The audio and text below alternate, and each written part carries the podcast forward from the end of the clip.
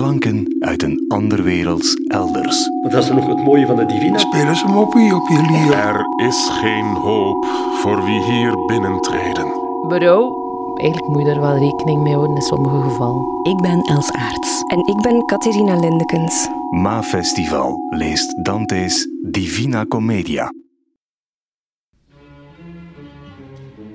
Hier komt men in het oor ter folteringen. Hier komt men waar de zondaar eeuwig lijdt. Hier komt men onder de verworpelingen. Mijn maker schiep mij uit gerechtigheid. Door goddelijke almacht, hoogste rede en eerste liefde werd zijn hand geleid. Niets is er voortgebracht in het verleden, of het had eeuwigheid. Ook ik duur voort. Er is geen hoop voor wie hier binnentreden.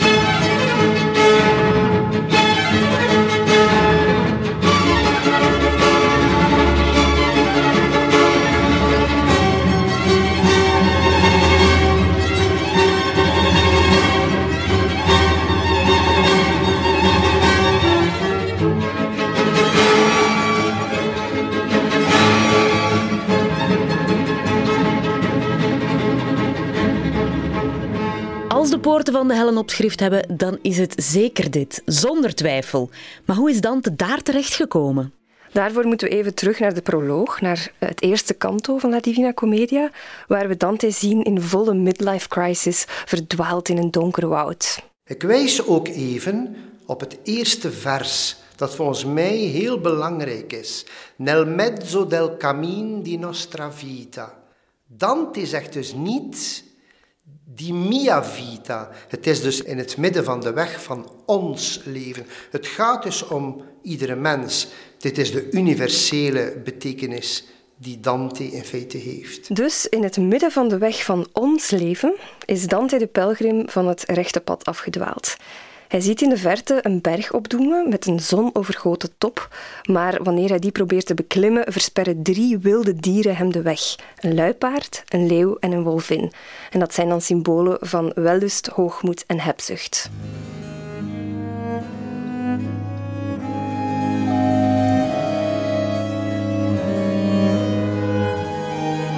Enter Vergilius, de Romeinse dichter, die zich aanbiedt als uh, gids, als redder in nood.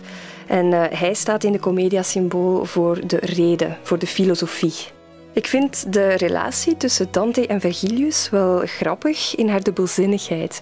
Want Dante stelt zich heel nederig op, maar ondertussen loopt hij wel driekwart van de Commedia naast Vergilius. Alsof hij zich vereenzelvigde met, met Vergilius.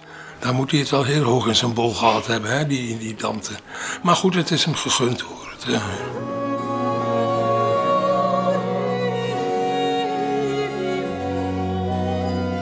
Vergilius is door drie vrouwen uitgestuurd om Dante te redden. Eerst en vooral de Madonna, dus de moeder van Jezus. Dan Santa Lucia, die gekozen is omdat zij de beschermengel is van de mensen die niet goed kunnen zien. En dan Beatrice natuurlijk is de derde, die dan rechtstreeks aan Virgilius in het uh, limbo uh, komt vragen om Dante te vergezellen. Hun boodschap aan Dante de pelgrim is duidelijk. De enige weg naar het paradijs begint met een afdaling in de hel. Dat is eigenlijk ergens waar je gaat gaan en uh, dat is echt niet goed. Vol met vuur en ja, dat zou ik niet tof vinden, want anders kan ik mij verbranden. Er is vuur, verschillende gevaarlijke dieren.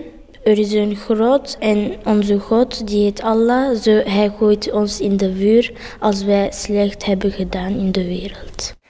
In het kielzog van Vergilius daalt Dante af in de negen kringen van het inferno. En zijn eerste indruk is er een in klank.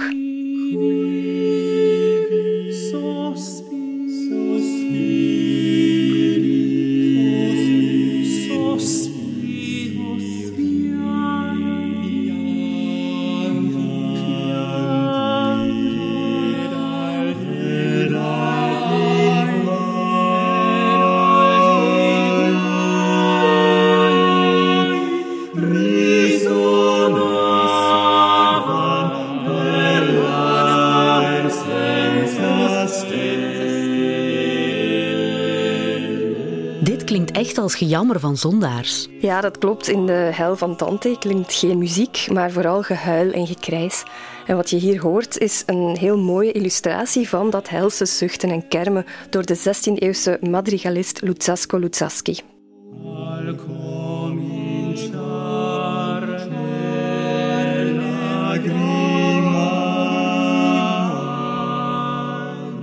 Bovenste zone van het inferno valt het al bij al nog mee, want uh, dat is het voorgeborgte, waar deugdzame heidenen wonen die voor Christus leefden. Dus hun enige misdaad is dat ze niet gedoopt zijn. En daarom zijn ze veroordeeld tot een eeuwig leven in duisternis. Gewoon niet het slechte doen is niet genoeg. Dat is in die cirkel ook dat Virgilius zit, toch, hè? in limbo, omdat zij niet hebben, zij hebben God niet kunnen kennen. Ja, maar dat vind ik al een beetje oneerlijk. In de diepere kringen van de hel, daar gaat het dan van kwaad naar erger. Wellustige verkwisters, huichelaars en verraders, stuk voor stuk ondergaan al die zondaars de gruwelijkste straffen. De manier waarop dat mensen gestraft worden in Inferno en Purgatorio is altijd op een of andere manier gelinkt aan hun uh, zonde. Dat is het uh, systeem van de contrapasso. Ja, dus ofwel is dat via een soort analogie. De alchemisten bijvoorbeeld, die lijden aan vreselijke kwalen. En de mensen die tijdens hun leven tweedracht hebben gezaaid, worden in twee gespleten door een duivel met een zwaard. Ofwel is het um, door een soort contrast te maken. Bijvoorbeeld zieners waarvan hun hoofd achterstevoren op hun nek gezet is.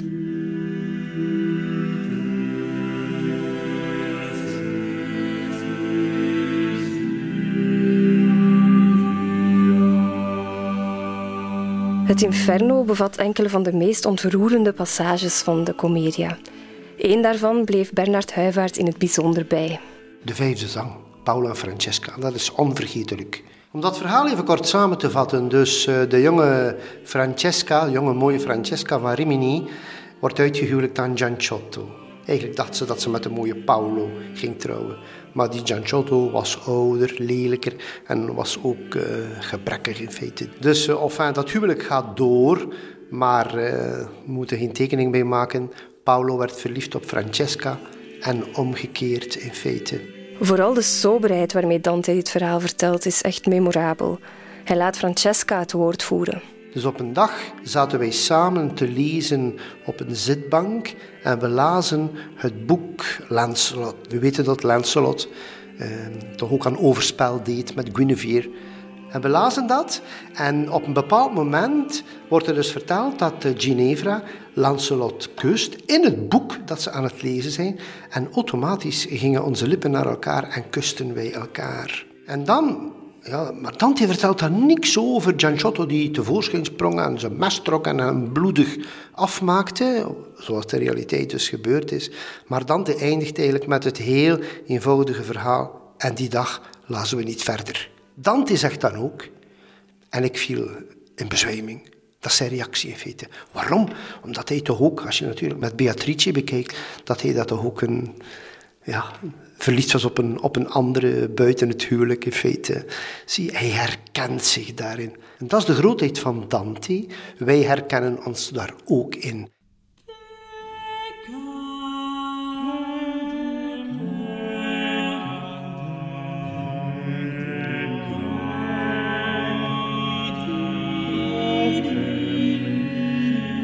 Dante's Hel is beduidend populairder bij hedendaagse lezers dan de andere delen van de Commedia.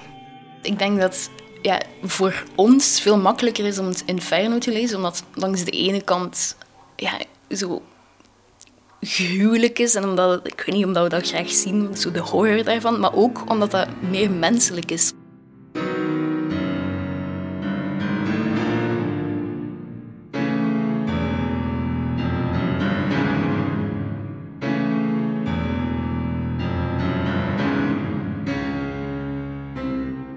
Wanneer Dante en Vergilius dan het middelpunt van de aarde bereiken, is er een heel indrukwekkend moment in de tekst waar ze Lucifer voor zich zien opdoemen. Dus echt Satan hemzelf, de incarnatie van het kwaad. Hoe dit mij deed verkillen en ontstellen, mijn lezer, vraag het niet. Mijn schroom is groot, ik heb de taal niet om het te vertellen. Ik leefde niet en toch was ik niet dood, al leek mijn leven erbij ingeschoten. Wie het zich voor kan stellen, kent mijn nood. Als zoiets stuitends schoonheid heeft bezeten toen hij zijn schepper tartte met een blik, moet hij de oorzaak aller lijden heten. Ooit was Lucifer een engel, maar toen kwam hij in opstand tegen het goede en werd hij uit de hemel verstoten. En nu, bij Dante, in het diepste punt van de hel, is hij vleugellam gemaakt. Hij zit vastgevroren in een meer van ijs en hij koudt met zijn drie muilen op evenveel verraders: Brutus, Cassius en Judas. Zes ogen weenden. Driemaal langs de kin moest kwijl vermengd met bloed een uitweg vinden. Zijn kiezen maalden op drie zondaars in dat drietal muilen, of hij vlas moest braken. Voor elk had hij slechts vreedheid in de zin. In de wereld van Dante is het zo dat de val van Satan de ondergrondse trechter van de hel deed ontstaan. En door diezelfde aardverschuiving ontstond meteen ook de Louteringsberg. Ik vind dat wel een mooi idee, dat um, het licht bij Dante ontstaat uit de kern van de duisternis. Als je voor de poorten van de hel staat, wat je dan voor jezelf hel ook maar definieert, is dat ja, laat alles hier maar varen. Het is ook gedaan. Want dat is dan ook het mooie van de Divina, die zegt, ja, maar het is daar niet gedaan.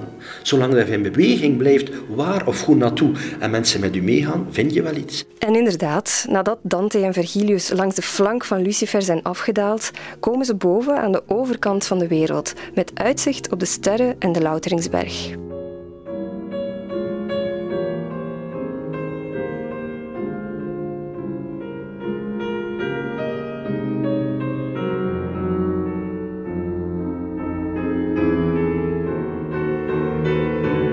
Als iemand echt heel slecht is geweest op aarde, maar dat bedoel ik echt met heel slecht, dan geloven wij in de hel. De hel is voor mij waar dat er ja, schijnheiligheid is. Ik, ik, ik ben recht door zee en ik kan niet tegen schijnheiligheid. Ikea op zaterdag voormiddag of zo. De hel op aarde is een gebrek aan liefde. Waar er geen liefde is, is er hel. Zo eenvoudig is het. Ergens verplicht te zijn, maar zonder, zonder iets te, te, te kunnen aandoen. Het idee van de hel is voor mij het breekbaar in mezelf, het kleinste in mijzelf. Jehannam. Hartelijk bedankt aan Bernard Huivaert, Jeroen Brouwers, Laurent Vermaarke, Ida van Nek, Renaat Loagie en Toekomstatelier de L'Avenir. Je hoort de muziek van Luigi Boccherini, Marc-Antoine Charpentier, Luzzasco Luzzaschi, Orlando Lassus, Carlo Gesualdo en Frans Liszt.